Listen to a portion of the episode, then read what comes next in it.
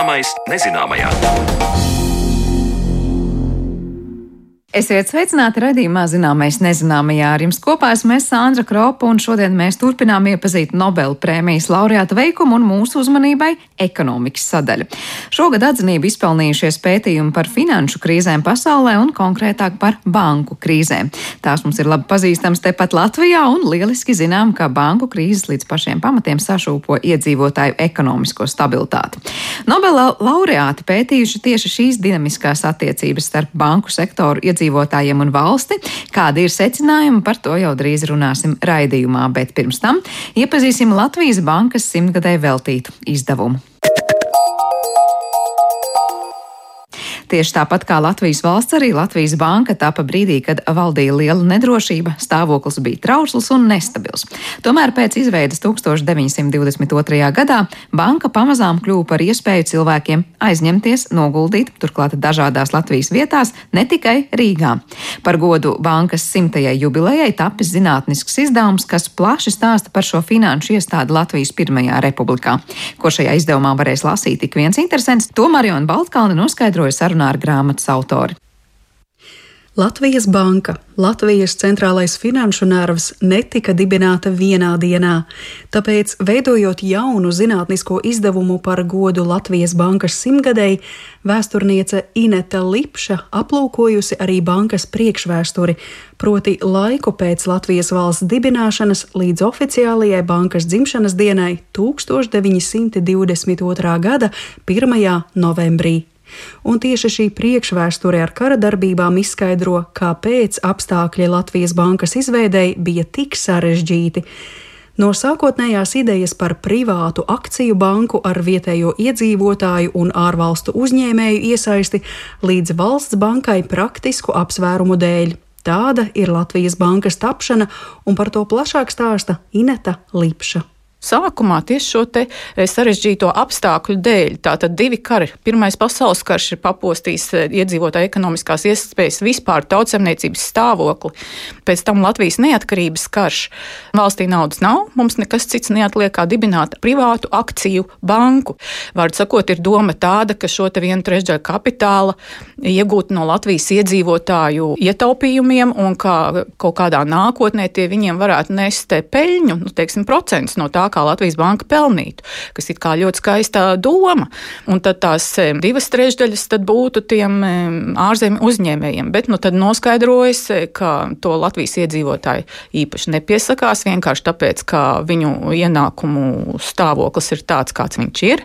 Un savukārt ārzemju uzņēmējus Latvijas diplomāti atrod, bet viņiem, protams, ir savas prasības. Un šīs prasības Latvijas valstī galu galā nav izdevīgas, piemēram, nu, kaut vai tāda prasība, ka uz noteiktiem gadiem nodot šai te ārzemju finansistu grupai monopolu stāvokli uz tirzniecību pasaules tirgu ar Latvijas līnijiem un Latvijas mežiem. Nu, un, protams, ka tas nav izdevīgi. Un galu galā laiks ir gājis, un 21. gada sākumā e, finanšu ministrs konstatē, ka šajā valsts zelta fondā varētu teikt, nu, ka valsts budžetā ir uzkrājies jau nu, apmēram 12 miljonu zelta franku vēlāk latu tāds kapitāls, ko mēs varam ieguldīt kā daļu tajā Latvijas bankā. Nu, un tad eh, rodas ideja par to, ka, protams, mēs eh, dibināsim Latvijas banku kā valsts uzņēmumu ar valsts pamatkapitālu un lūkojamies, eh, kā mēs to varam izdarīt. Un šajā ziņā skats ir, protams, Finanšu ministrijas virzienā. Pie šīs ministrijas darbojas jau divi tādi departamenti - valsts kase un valsts krājkase, kas līdz šim 21. gada pavasarim jau strādā, un šajā 21. gada pavasarī tiek transformēta par eh, valsts krājumu kredītbanku. Tātad e, divi departamenti, valsts kase, vēl krājkase, apvienot valsts krājuma kredītbankā, tātad šajā laikā, jau 22. gada sākumā, ir ideja, ka mēs šo valsts krājuma kredītbanku varētu, teiksim, paplašināt tās funkcijas, izveidojot emisijas nodaļu taļā. Tas nozīmē, ka uzticētu tai tiesības e, drukāt e, Latvijas valsts valūtu, banknotēs un ka tādā veidā mēs varētu atrisināt šo jautājumu. Taču šī ideja nepatīk kādai grupai politiķu, un tā nepatīk arī nu, teiksim, to apstākļu dēļ, kādā vispār dibināja Latvijas valsti. Tā dibināšana lielai daļai latviešu politiķi ir tāda, ka tagad latvieši būs saimnieki savā zemē, un latvieši veidos šo saimniecisko politiku.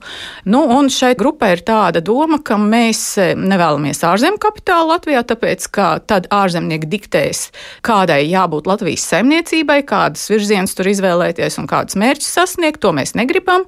Un otrs, mēs vēlamies, lai šo mm, finanšu politiku un Latvijas banku vada cilvēki, kas ir latvieši. Tā nostāja ir tāda, ka mēs nevēlamies, lai citu etnisko grupu pārstāvji būtu pārstāvēti šajā jaunajā iestādē. Tādā veidā tiek atmesta ideja par to, ka valsts krājuma kredītbanku varētu pārveidot, nu, teiksim, nevis pārveidot, bet atdot viņai naudas emisijas tiesības. Jo valsts krājuma kredītbankā viens no direktoriem ir ebrejs Izidors Frīdmans. Nu, un e, Finanšu ministrijas e, augstrānga darbinieks Aleksandrs Kārkliņš, kurš izstrādāja Latvijas bankas statūtus, viņš uz e, Ringolda Kalninga pieprasījumu finanšu ministra izstrādāja gan projektu par to, kā emisijas tiesības būtu piešķiramas valsts krājuma kredītbankas šai īpašajai nodaļai. Un uz savu galvu viņš izstrādāja arī otru projektu par Latvijas banku kā pilnībā Latvijas valsts uzņēmumu ar emisijas tiesībām un valsts pamatkapitālu. Nu, un politiķi šajās debatēs, kas tur sekoja dažādās e, institūcijās, tā skaitā satversmes sapulcē, pārsvars bija šim Kārkliņa jaunajam uz savu galvu izstrādātajam projektam par Latvijas banku e, kā valsts uzņēmumu, kā autonomu valsts uzņēmumu ar valsts pamatkapitālu, kurš bija paredzēts 10 miljonu latu. Nu, ļoti raibs stāsts, kā tā banka dzima. Un jūs jau minējāt, kādi bija tie reālie apstākļi, ko cilvēki varēja atļauties un ko nevarēja. Bet, eh, teiksim, tad, kad banka jau bija stabili uz visām četrām kājām, jau izveidojusies, tad vēlākajos 20. un arī 30. gados, kādas bija tendences sabiedrībā, ko cilvēki no bankas sagaidīja, kādus eh, pakalpojumus, piemēram, vai bija aktīva kredītu ņemšana vai noguldījumu veikšana. Kā teiksim, ja mēs salīdzinām eh, tos laikus un mūsdienas, vai tas kaut kā izteikti atšķīrās?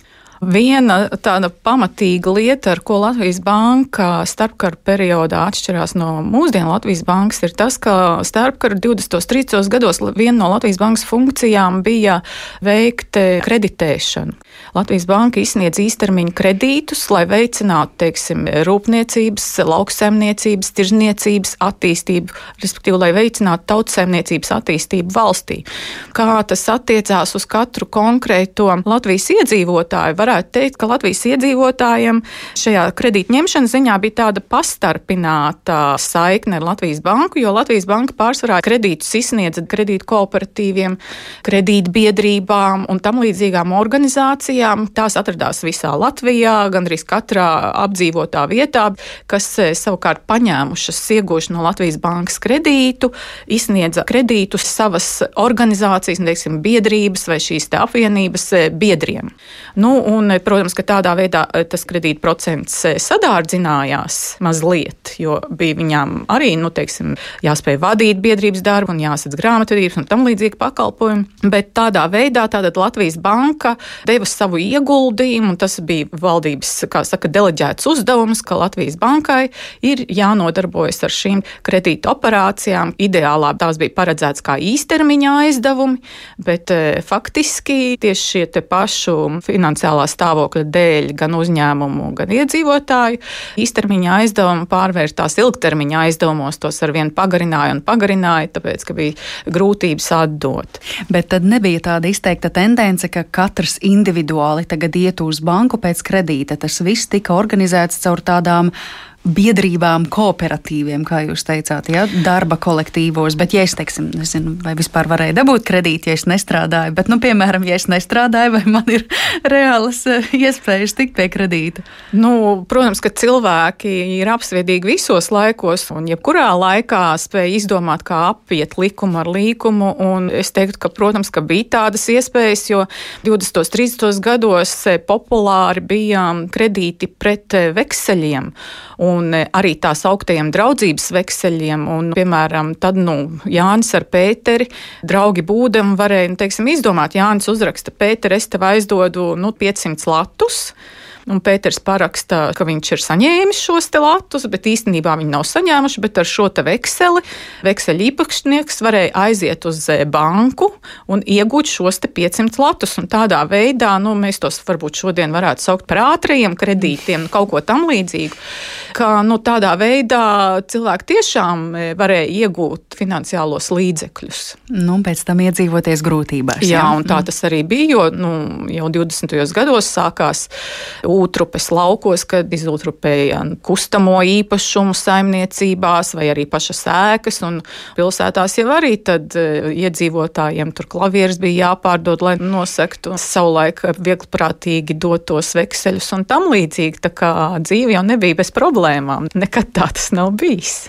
Viens no Latvijas bankas uzdevumiem bija nodrošināt lata stabilitāti, un starpkaru periodā tas arī izdevās. Šis uzdevums bija saistīts ar bankas vēl augstāku mērķi - kopumā atjaunot cilvēkiem zudušo ticību bankām pēc pārdzīvotajām kara darbībām. Vēl jau vairāk atjaunot uzticību pēc visai nežēlīgā 1920. gada 18. marta likuma, kas daudziem naudas noguldītājiem finanses vienkārši atņēma. Latvijas politiķi šo finanšu sistēmas pamatu veidošanu sāka ar tādu likumu, kas pašā valsts izveidas sākumā grāva potenciālo noguldītāju uzticību bankām, jo 20. gada 18. martā satversmes sapulce pieņēma likumu, kas faktiski atstāja bez naudas tos noguldītājus, kas Latvijas teritorijā, tad Krievijas impērijā, Baltijas gubernijās bija noguldījuši līdzekļus, un tie bija milzīga nauda. Un, protams, ka tad, kad beidzās visas šīs turbulences ar, ar starptautisko politiku un militāro situāciju, tad iedzīvotāji cerēja, ka viņi savu noguldīto naudu, un Krievijas zelta rublim bija vērtība, e, ka viņi šo naudu atgūs, bet e, Latvijas politiķi pieņēma likumu, kas deva priekšroku tiem, kas bija kredītus ņēmuši. Nu, doma ir tāda, ka, ja tu biji, piemēram, noguldījis 100 tūkstošus Krievijas zelta rubļu, tad tagad tev izmaksāja 1333 latus. Un, protams, ka tas ārkārtīgi spēcīgi grāvā šo daudzo noguldītāju cerības. Faktiski viņiem tika atņemti viņi noguldījumi, burtiski. Un savukārt e, iedzīvotāji, kur bija ņēmuši kredītus pirms kara, ja viņš bija ņēmis kredītus 100 tūkstoši šie Krievijas rubļu, tā viņš varēja nomaksāt šo kredītu par 1333 latiem.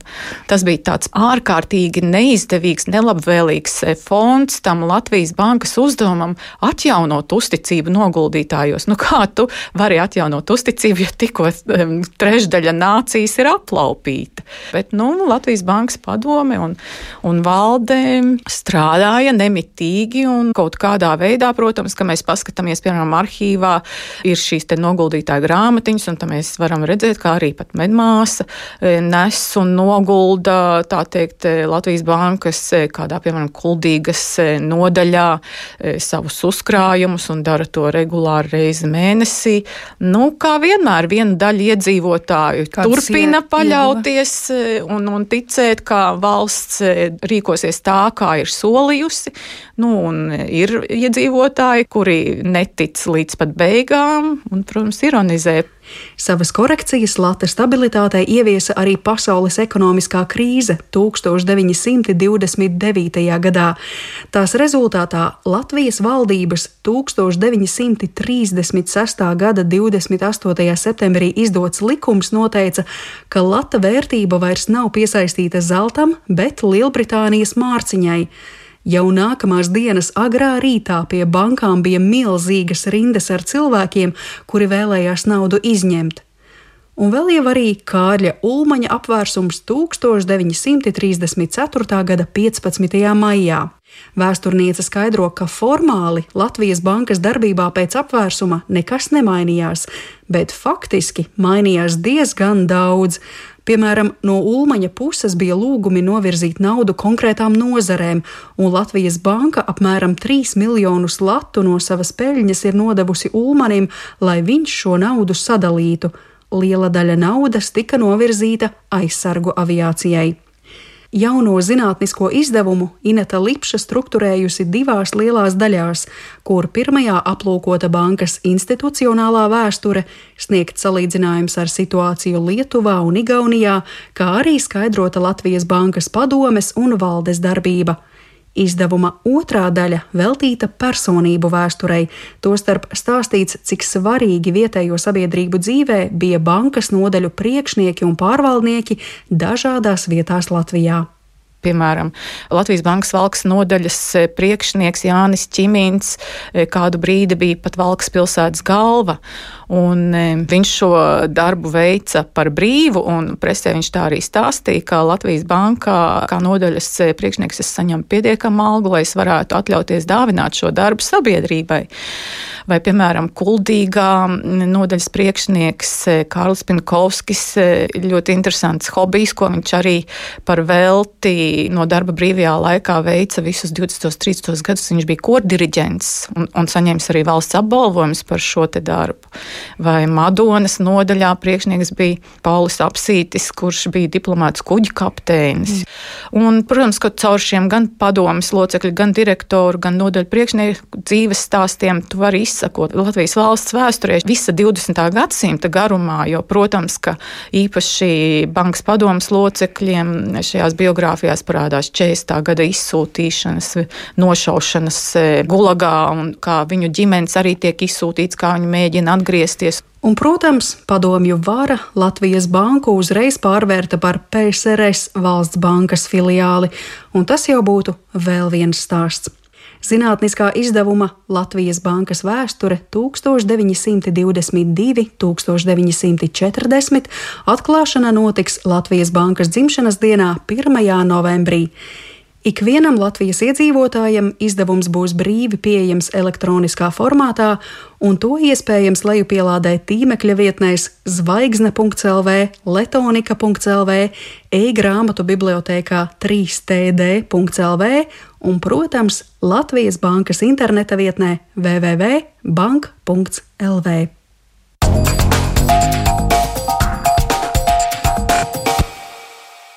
Tik tālu par līkločiem Latvijas bankas vēsturē, bet par banku krīzēm un to, kāpēc šī joma izpelnījusies Nobel prēmijas saruna pēc brīža.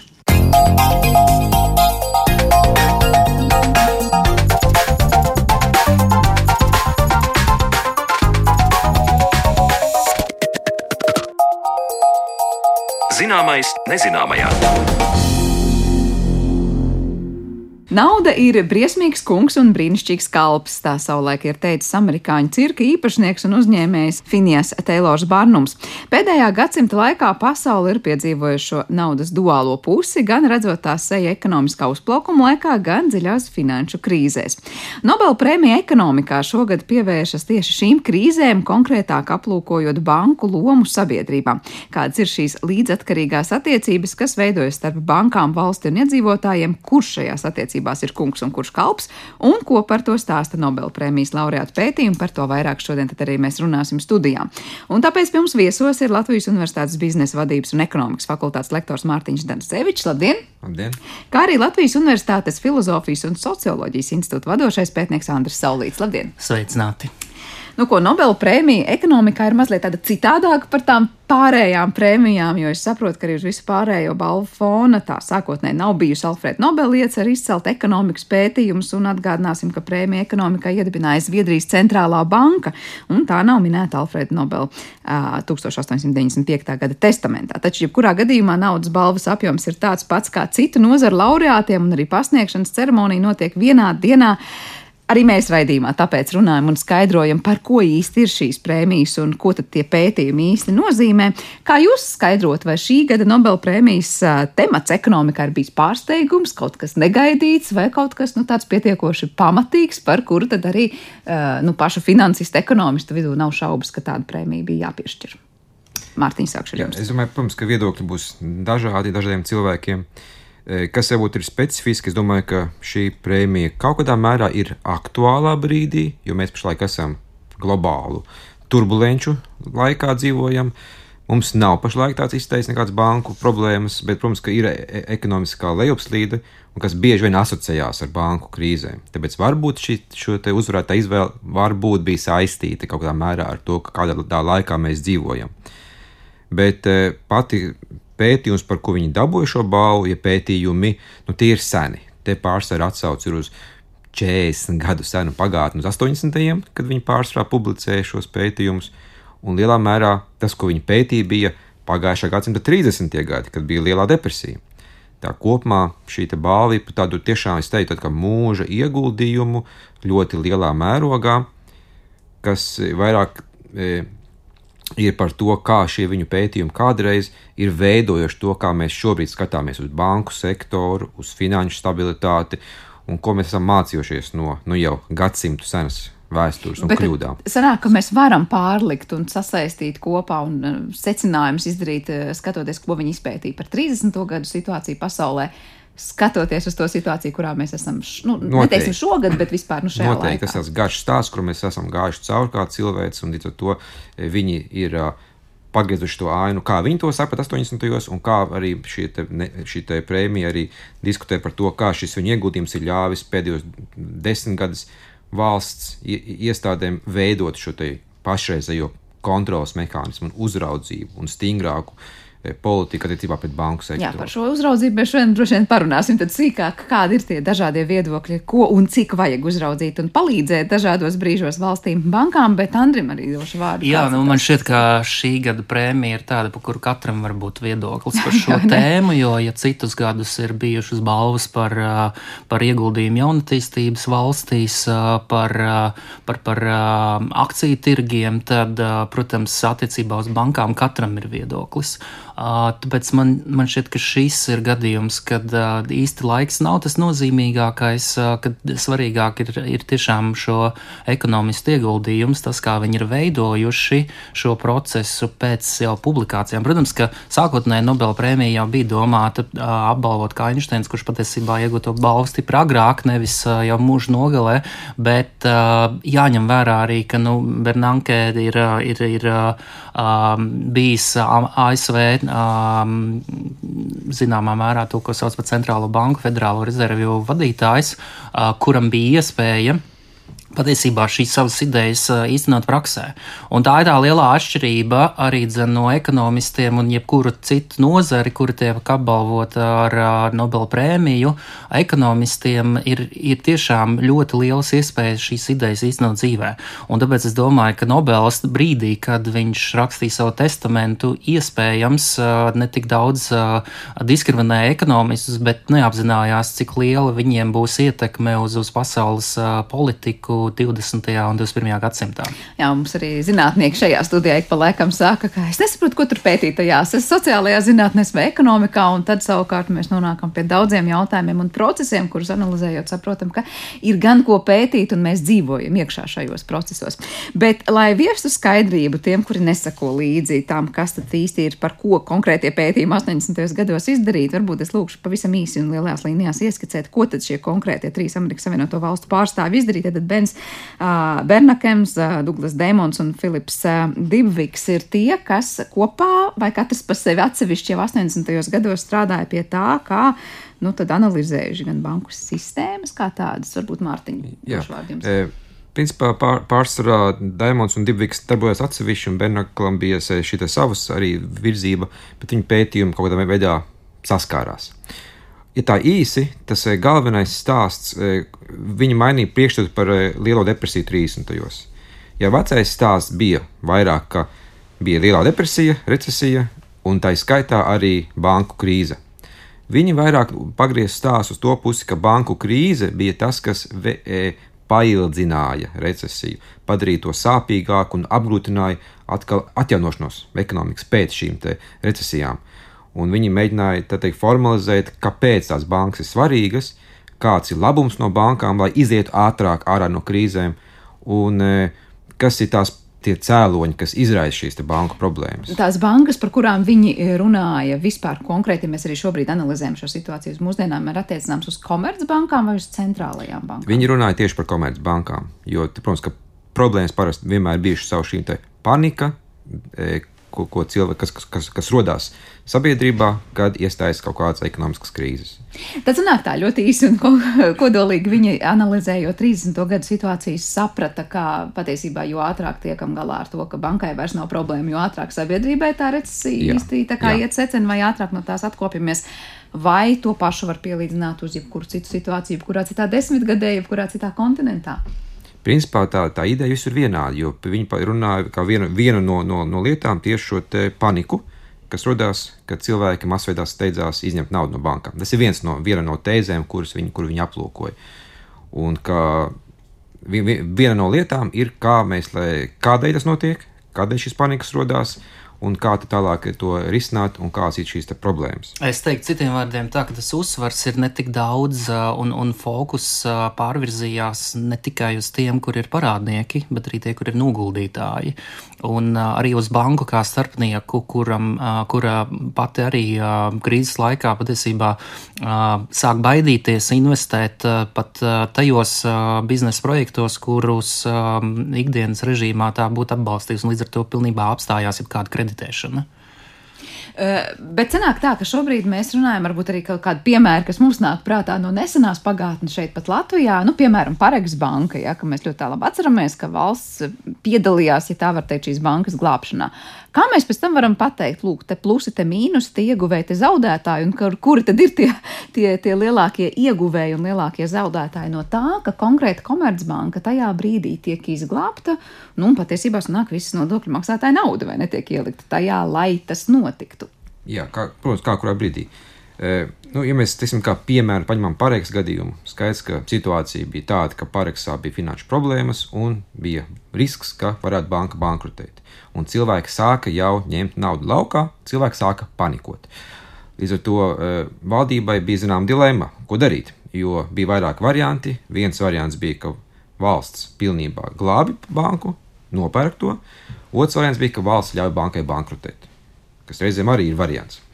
Bet šī gadījumā bija jau toreiz spēkā šī likuma norma, ka valsts garantē depozītus noteiktā apjomā, un ja pārēks bankai ļautu bankrotēt, valstī būtu jāatmaksā 660 miljoni latu par depozītiem, kurus cilvēki zaudējuši. Proti, tas, kas bija noguldīts, kas bija šo apdrošinājumu, kad ja gadījumā kas cilvēki to saņems atpakaļ. Jā, un valstī toreiz vēl nebija tik daudz fondi uzkrāt šīs rezerves, un tad būtu jāmaksā no valsts budžeta. Līdz ar to valsts saprata, ka labāk viņiem ir šo banku glābt, nopērkot šo vairākumu akciju, e, jo pretējā gadījumā tie zaudējumi, kas rastos, ja valstī būtu jākompensē depozīti, plusā valsts zaudētu arī to naudu, kas ir valsts uzņēmumiem, labajās Pārējas bankā, kopumā tā bilants būtu negatīvāka. Skaidrs, ka te ir politiskie aspekti, par kuriem negribās sevišķi runāt, un tādām lietām. Jā, jā. bet, bet uh, viena svarīga lieta gan ir jāpiemina, ka um, tajā brīdī, kad sāk, uh, sāk notikt šie banku skrējiens, kad visi dodas, uh, tad, protams, ka vislielākā interese uh, šos depozītus izņemt ir tieši tiem, kuriem uh, pārsniedz šī depozīta summa šo 100 tūkstošu latus. Un arī Pareks gadījumā būtībā bija tā, ka tajās pirmajās nedēļās aizplūda ļoti liela nauda, un līdz ar to šī aktīvā un ātrā rīcība no centrālās bankas un no valdības puses ir akūti nepieciešama tajā brīdī, kad sākās šis skrējiens. Un tas skrējiens bieži vien pārmetās arī uz citām bankām, jo mēs, protams, pieminam Pareks, kuru valsts vienīgā pārņēma savā īpašumā, bet tāpat arī visas skandināvu bankas patiesībā tur bija ļoti liela līdzekļa, kas tika ieguldīti no mācības bankām, lai viņas tā teikt noturētu uz ūdens. Jā. Bet sanāk, šī problēma bija tajā, ka naudu jebkurā gadījumā izņēma tie cilvēki, kuriem tie noguldījumi bija tik lieli, ka valsts nebūtu tos kompensējusi. Es teiktu, tā tas, ko mēs redzējām uz ielām pie bankomātiem, neviena 8. gada krīzē, bet arī pa laikam pie Svetbanka, tie ir pilnīgi bezjēdzīgi soļi. Izņemot gadījumos, protams, ja tev mājās tiešām makā ir tikai 10 eiro, un tad tev ir nepieciešams īstermiņā vienkārši, lai ir par ko samaksāt rēķinus. Bet tādus lielus noguldījumus patiesībā tos mēs nekad neredzēsim. Tie visi notiek, protams, elektroniski, un tie notiek ļoti aši. Un tie ir tā teikt neredzamā ekonomikas roka, citējot Ādamu Smitu, kur nav nemaz tik, tik, tik neatkarīga pats no sevis, bet ļoti uzmanīgi skatās. Jo, protams, ja tev bankā ir noguldīti miljoni, tu to, to raudzīsi stipri vērīgāk nekā, ja tie ir daži desmit tūkstoši, kur ir garantēti. Tie arī Jā. mazliet arī maz arī sa sastājas ar šo Nobela prēmijas laureātu pētījumiem, ka arī viņi uzsver, ka ļoti svarīgi ir valsts strauja šī arī iesaldēšana un bankas, e, lai apstādinātu šo banku paniku. Un tas ir tas, ko toreiz kritizēja arī Latvijas valdība, ka viņi vairākas nedēļas ļāva naudu ņemt laukā, tā vietā, lai vienkārši iesaldētu kontus un e, ļautu situācijai mazliet norimt, un arī tajā tā laikā arī veiktu kāds pasākums. Vēl arī tagad bieži vien ir šis termiņš banku brīvdienas, kad ievieš banku brīvdienas, kas reāli nozīmē, ka bankas tiek slēgtas, lai neviens naudu laukā neizņemtu uz to laiku. Kas bišķiņ ļauj atdzesēt situāciju un paniku e, nodzēst, kā es teicu, skaitā arī glābt šo situāciju, ka šie te, e, lielie depozītu turētāji aizmūka. Mm. Jo visas bankas, kas ir Latvijā pasludināts par maksātnespējīgām, šie paziņojumi visi ir bijuši sestdienās, ja es nekļūdos. Bet vismaz tas tā ir arī normāla prakse, kas nav domāta attiecībā pret to, bankas ir maksātnespējīgi, jo viņi vienkārši ir aizslēgti. Bet tā, tas, tas mērķis ir, lai vienkārši nesāktos šis skrējiens uz citām konkrētā. bankām, mm lai tā teiktu uz, uz karstām pēdām atkal varētu tikai līdz bankomātam tikt, nevis līdz, līdz bankai. Uh, bet kā valsts tādās situācijās, nu, pēc kaut kādiem kritērijiem, gan jau ka vadās, lai saprastu, kura banka tad būtu nu, tā vērta, ja tā var teikt, kura būtu jāglābj, jāiesaistās šajā situācijā un tad, tad jāaptur šīs naudas izņemšana, vai ir kaut kādi kritēriji, pēc kuriem pateiks, jā, šī banka patiesībā ir tā vērta un šī nav. Protams, ka situācija bieži vien daudz ko izsaka, bet eh, parasti skatās arī to, cik tā banka ir sistēmiski svarīga. Teiksim, eh, Latvijā ir tāds jēdziens sistēmiski nozīmīgas iestādes. Tur pašlaik mums ir piecas lielākās bankas. Un arī Eiropas centrālā banka uzrauga trīs mūsu lielākās bankas vienotajā uzraudzības mehānismā. Un šeit vadās pēc tā, cik tai bankai ir liela aktīvi, ir noteikti apjomi, cik liela ir daļa šo aktīvu, ir privātais sektors. Jo skaidrs, ka valsts vairāk uztraucās par tām bankām, kurās daudz privātpersonu ieguldījumu.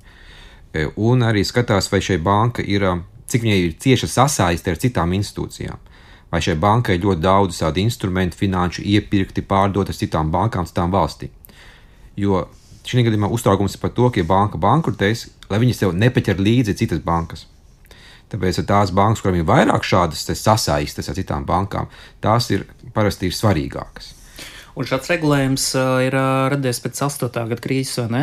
Es, es pieņemu, ka tā ir skaitā, jā, mm. jo, protams, ka Eiropas no tā jā. mācījās, lai nebūtu ķēdes reakcija. Uh, Tāpēc tās, kurām ir tā ķēdes reakcija, tās arī vairāk arī uzrauga un tās arī pirmās centīsies kaut kādā veidā regulēt. Kāda ir šī sabiedrība? Es nevaru pētījuma arī Andrim, ir ko piebilst sabiedrības attieksmē pret to, kā jāuzvedās valstī attiecībā pret bankām, un man ir vismaz sajūta, ka tā sajūta ir krietni negatīva un nostāja. Tā ir cilvēku vienkārši piesaista savai naudai un sajūta, nē, nē, nē, es negribu, lai tagad es kā nodokļu maksātājs dodu valstī naudu, un tad savukārt valsts garantēs ieguldījums, kas nav mani, jo tie ir tagad nu, drošības garants, ka tie tiks saņemti atpakaļ. Bet tajā pašā laikā, nu, no otras puses, ir daudz drošāk savu naudu turēt bankā, zinot, ka, ja nu gadījumā kāds mēs to naudu atpakaļ saņemsim. Um, viens no šiem ekonomistiem, vai, vai, vai vairākus precīzi nepateikšu, bet uh, arī dzen, ir tās idejas autors, ka ir nepieciešami šie garantētie depozīti. Tad mēs atkal redzam vēl vienu gadījumu, kad ekonomisti radīta ideja tiek īstenot dzīvē. Bet, protams, 80. gados tas bija kaut kas jauns un kā, kā nu, nē.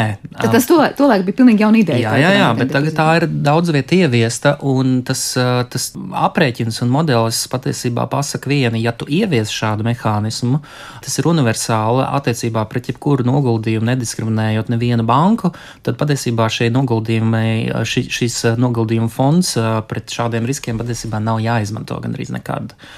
Protams, ir, ir blaknes. Tā viena no blaknēm ir tas, ka bankas jau arī zin, ļoti labi reaģē uz šīm visām pārmaiņām. Un bankas, tāpat kā jebkurš cita iestāde, jebkurš cits uzņēmums, ir, ir, ir labprātīgi, godprātīgi uzņēmēji un ir arī ļaunprātīgi uzņēmēji. Šāda garantija no valsts puses uh, var veicināt uh, um, riskantus ieguldījumus un negodprātīgas rīcības uh, no banka puses.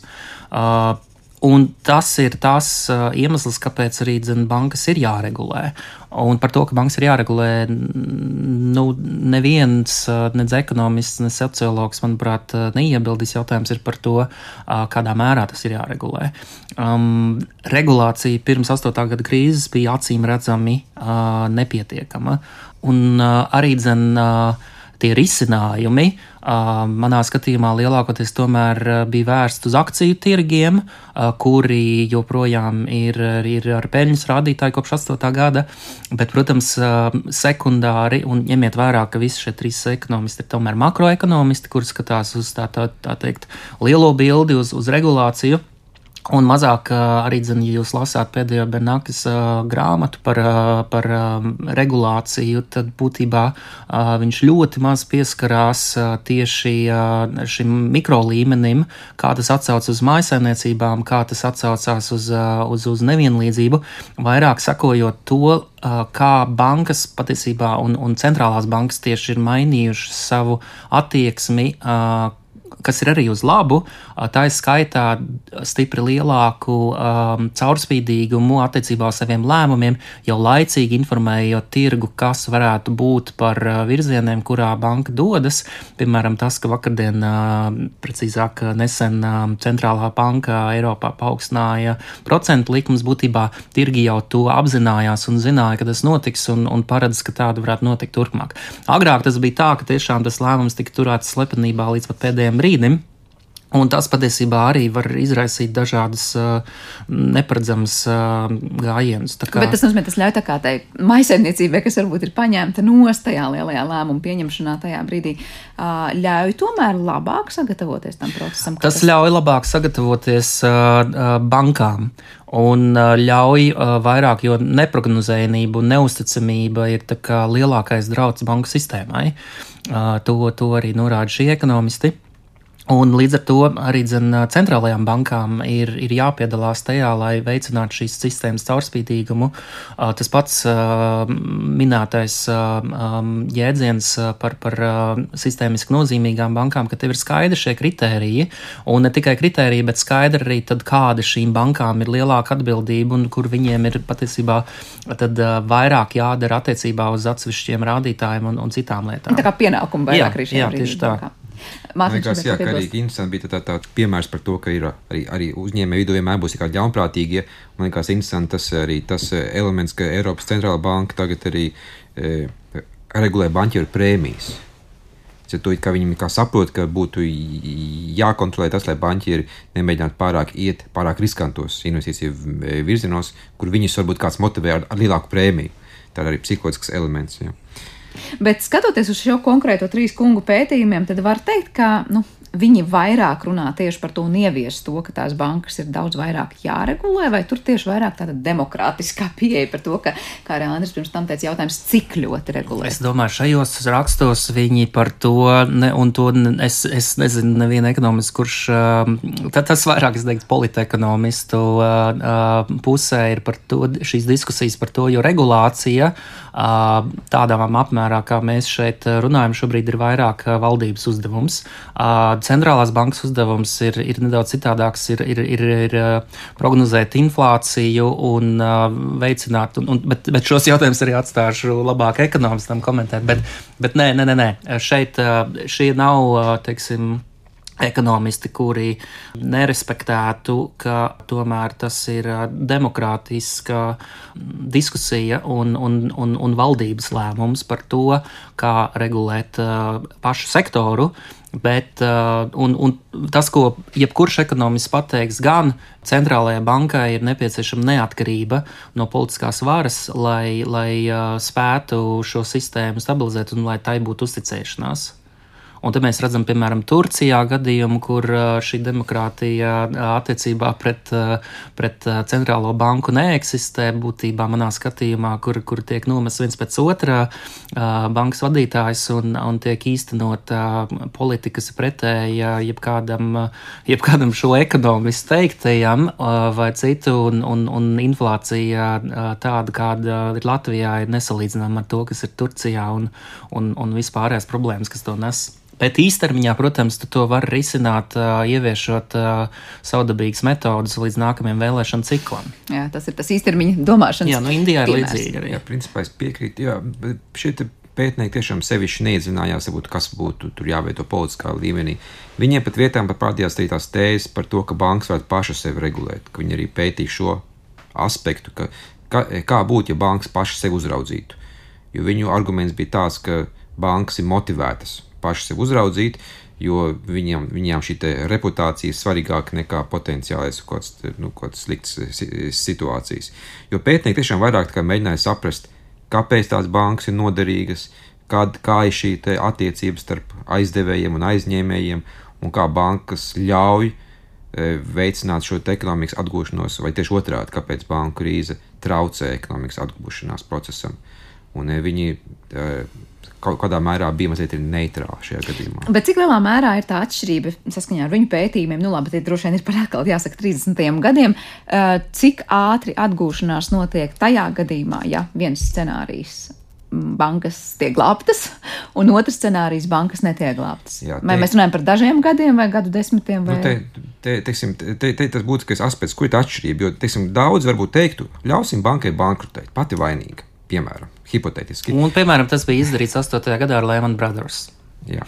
Un e, šie Nobela premijas laureāti arī viens no argumentiem, kas bija viņu gadījumā, bija tas, ka ļoti būtiska problēma, ka, ja mēs ļaujam bankai bankrotēt, ir arī tas, ka zūd bankas pieredze darbā ar kredītņēmēju, jo banka ir tā, kas pazīst šo uzņēmēju, šo mājas īpašnieku vai auto īpašnieku, kurš paņems kredītu, viņi zina, kurš ir cik maksātspējīgs, kāds ir kura uzņēmēja biznesa modelis.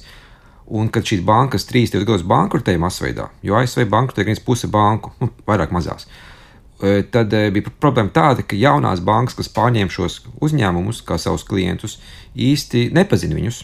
Un bija ļoti Protams, nebija reģistra, kurā ieiet nebija, un paskatīties. Jā, ne, nebija vēstures, nebija tā teikt šīs te bankas un klienta attiecības izveidojušās, un tas ļoti vairākus gadus aizkavēja ja, jaunu kredītu izsniegšanu. Mūsdienās tā vairs nav tik liela problēma, jo mums ir jau reģistri un daudz kas ir digitalizēts un vēsture tik nodota. Un mēs atcerēsimies 8. gada krīzi, ka tajā laikā kredītreģistra patiesībā tādas ar bankām nebija. Tā informācijas apmaiņa bija ļoti minimāla, un, un, un tas arī nu, tas, um, mazina spēju atkal kādu banku, tā teikt, neglābt. Ja? Jo, ja pareks aiziet pa burbuli, būtībā pazūd visa informācija par visiem, visiem kredītiem, kas ir ņemti par, par maksas disciplīnu.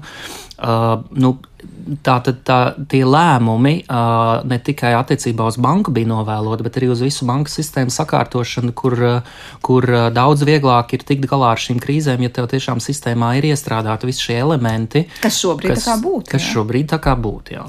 Tas mazina jautājumu aktualitāti par to, cik ļoti tajā brīdī, kā sakām, nu, lūk, labi, šis arguments neizturētu kritiku, jo šobrīd ir sakārtots tas, ka pie sistēmas un datiem mēs tiktu. Tagad sistēma ir labāka, protams, nu, mēs mācāmies, domāju, kā sabiedrība, kā, kā valsts, kā banku sektors, un cerams, ka, cerams, ka kļūst arvien labāk un labāk. Jā. Tad te būtu vēl jābūt. Ne ideāli, protams, ideāli neviens nekad modelis nebūs. nekad nebūs ideāls, sevišķi uh, ekonomiskais modelis vienmēr būs. Tikai uh, maksimums noderīgs. Mm -hmm. Mārtiņa, Te būtu jāuzslavē, teiksim, Eiropas, es uzskatīsim, Eiropas e, virzību šo te, e, uz šo banku e, savienību, ka Eiropā tagad ir Eiropas Savienībā, ka šīs Eiropas lielākās bankas veids pašas šos iemaksājumus fondā, lai viņas tad pašas būtu tās, kas vairāk rūpētos par šo gadījumu, ja pēkšņi vajadzēs sekt, lai mazinātu valsts budžetu atkarību no šī banku sektora, kas, protams, arī ir kaut kas, kas ir procesā. Un, bet eh, ja jau ir, var just, ka Eiropas līmenī tiek veidotas sistēmas, lai šo atbildību vairāk uzspiestu pašām Pašām bankām. Jā. Kam, protams, ir mīnusi. No otras puses, mēs varētu spekulēt, ka visa šī jaunā regulācija padara bankas mazāk spējīgas būt agresīviem investoriem. Un varbūt tas arī mums sniedz kaut kādu risku, ka mēs zaudējam konkurences cīņā ar citiem reģioniem, kur ir liberālāka banku politika. Nu, te atkal ir kausa ar diviem mērogiem. Jā, mēr, mērs, kas svarīgāk - stabilitāte vai, teiksim, izaugsme straujāka. Tas ir, jā, protams, jālemj pašam katram. Vai vēl bija kāds no argumentiem, jūs sākāt stāstīt par šo datu pieejamību un to, ja 30. gados kaut vai nebūtu, proti, būtu grūtāk izsniegt kredītus, tātad, jo, jo šobrīd mums tie dati ir pieejami. Nu, tas, principā, bija galvenais, tas bija galvenais, jā, jā. jā, galvenais arguments, jo, protams, ka ir te tas jautājums arī, ka arī svarīgi ir tas, ka banka, kas darbojās ilgstoši un stabili, ir uh, ieinteresētāka sniegt ilgtermiņa kredītus. Un ekonomiskā attīstībā ir svarīgi, lai tiktu atbalstīti ilgtermiņa projekti. Ja bankas ir nervozas un bankas klienti nervozi par bankas eksistenci. Bankas dos priekšroku īstermiņa aizdevumiem. Un tas neļaus bankām nu, ieguldīt tautsēmniecībā svarīgos projektos, kas prasa būt desmit gadus. Tātad skaidrs, ka valstis interesēs ir lieli infrastruktūras projekti, un tur vajadzīgi ilgtermiņa aizdevumi. Un te mēs patiesībā 8. gada krīzē atkal redzam uh, Latvijā to problēmu, ka tā būtībā bija patēriņa kredītu krīze, tā bija nekustamā īpašuma kredītu krīze. Nevis uzņēmējdarbības kredītu krīze. Tas es pats pētīju tieši maksātnespējas procesus, un daudzos gadījumos uh, uzņēmējdarbības krīze tika novērsta uh, ar to, ka šie uzņēmēju kredīti tika galvoti ar personīgiem galvojumiem. Reizēm diezgan absurdiem, kad ne tikai ir jāgalvo pašam uzņēmuma īpašniekam, bet arī viņa dēlam, kurš ir vienkārši students, bet tad viņi visi tiek ierauti būtībā tādos dzelžos. Un te es gribu runāt par tiem aspektiem, kas joprojām nav risināti, kas viens ir par šiem galvojumiem, kas ir personīgi jādod, jo būtībā bankas šajā gadījumā ar galvojumu aiziet projām no tā, ka viņas pašas riskē ar savu vārdu. Otrs veids, protams, kas tieši Austrumē Eiropā bija raksturīgs, ir šo aizdevumu izsniegšana nevis nacionālajās valūtās, bet eiro vai šveicis frankos, kas ierobežoja uh, Latvijas bankas un citu banku spēju kaut ko darīt ar to, jo tas nav nacionālajā valūtā. Tu nevari devalvēt valūtu, kas ir viens no veidiem, kā risināt šo, šo krīzi. Um, um, protams, Eiropā ir viens izņēmums, tā ir Ungārija, kur uh, denominēja uh, vietējā valūtā, bet uh, principā uh, tas arī dzen uzreiz, uh, nu, it sevišķi tādām mazām valstīm kā Latvijā vispār uh, nebija iedomājams, jo tad mēs, mēs pilnībā nespētu ar iekšējo, teiksim, rezervēm kaut kādām kaut ko īstenot īstenot. Un, un Tā ir tā lieta, arī maksātnespējas process, kuram vajadzētu būt ātram un vienkāršam Latvijā, būtībā ir uh, veidots pēc uh, banku lobby ieteikuma gan attiecībā uz, uh, uz, uz lielajiem kredītiem, gan arī tie, kas ir domāti līdz 5000 uh, eiro saistībām. Um, tajā brīdī, kad bankas kļūs, ne, ir nevis vienkārši sistēmas daļa, bet jau iejaucās politikas procesos un nosaka to, kāds būs šis regulējums, tad uh, mēs vairs nevaram runāt par to modeli, kur šie Nobelpremijas laureāti ir uh, būvējuši. Jo viņi skatās uz bankām kā uz neitrāliem spēlētājiem, kur ir vienkārši tirgus dalībnieki. Bet ir jāņem vērā, ka bankas, protams, ir ar ārkārtīgi milzīgu kapitālu un spēj ietekmēt politiku. Līdz ar to ir jābūt neatkarībai ne tikai centrālajai bankai no valdības, bet arī dzen, valdībai ir jābūt neatkarībai no no banku lobija, bet šobrīd Latvijā es eh, joprojām to nesaskatu. Nu, redzēs, kāda būs nākamie četri gadi. Jā, mēs atgriezāmies atpakaļ pie Nobela prēmijas laureātiem un to, kā mēs varam redzēt vai neredzēt šo sistēmu. Mums ir jāliek punkts šai sarunai. Mārtiņa, vai vēl gribēsies ko piebilst pie tikko Andra teiktā, vai es, kāds es, kopsavilkums par to, nu ko tad mēs... gadījumā ne, negribas kāpt kā politikas lauciņā, bet tiešām piektīšu, ka šie pētnieki, viņi, cent, viņi skatās visu tiešām no tāda ideālistiskā viedokļa pie nosīm, ka tirgus strādā bez iejaukšanās, neitrāli bieži vien tas ir tāds kā ekonomisks. Bet tas nāk, mēs eh, sarunas beigās nonākam pie tā, ka, realitātē, protams. Ka viss ir izpētīts, bet priekš ideālās pasaules, kas dzīvē neeksistē, vai tik traki nav. Nē, nu, e, es domāju, tas ir process, process uz, uz, uz, uz, uz labāku kaut kādu situāciju. Mēs domājam, ka, mēs, ka mēs tādā ilgtermiņa griezumā mēs esam uz pareizā ceļa. Jā, es, es teiktu, ka nepārspīlēsim arī, dzen, ka šie, šie trīs pētnieki neradīja un nekad neuzstāja, ka tagad tas ir tas, kā tas viss ir jāīsteno, un akadēmiskā vide ir stipri plašāka arī par ekonomistiem, un, un aizvien vairāk patiesībā ir starpnozara pētījumi. Arī man lasot šos rakstus, es redzēju atsauces, kuras es atpazīstu, kaut gan man, mans, mana akadēmiskā pieredze ir antropoloģija un socioloģija, um, un, un mēs lasām ekonomiku ekonomists un arī ekonomisti un centrālās bankas uh, uh, vadītāji un padomas arī dzen iepazīstās ar politekonomiskiem pētījumiem, kas redz, kā sistēmiskās izmaiņas ietekmē gan um, biznesa vidi, gan arī dzen mājasaimniecības. Un, uh, un tādā ziņā es teiktu, ka uh, problēmas ir tikai visbiežāk uh, politiskajā gribā kuru centrālajai bankai nemaz nav gar to daļa, un arī šiem ekonomistiem tā ir vairāk citu nozaru un citu arī dzen svaru un, un varu pīlāru uzdevums. Jā, nu ko, teikšu jums lielu paldies, ka iepazīstinājāt mūs ar šiem pētījumiem un to nozīmi, ko patiesībā ir jau pirms vairākām desmitgadēm veikuši trīs tātad Amerikas Savienoto valstu ekonomisti Bens Bernakens, Douglas Daimons un Filips Dibviks. Un pētot, var teikt, jā, 30. gadu depresiju un krīzi, mēs izdarām daudzus secinājumus arī par to, kā dzīvojam mūsdienās, un izskatās, ka daudzas lietas, kas šobrīd mums ir pašsaprotams un pieņemamas, ja kaut vai par šiem reģistriem vai garantētiem depozītiem, kaut kādā mērā ir izrietējušas pateicoties šiem konkrētajiem kungiem. Paldies jums par dalību šajā raidījumā, un es atgādinu, ka šajā pusstundā bijām kopā ar Latvijas Universitātes biznesa vadības un ekonomikas fakultātes lektoru Mārtiņu Danuseviču, kā arī Latvijas Universitātes filozofijas un socioloģijas institūta vadošo pētnieku Andri Saulīti. Ar to raidījums ir izskanējis, to producēja Paula Gulbīnska, par mūziku gādāja ģirds bišu skaņu režijā bija Kristīna Dela un studijā Sandra Kropa. Uz tikšanos!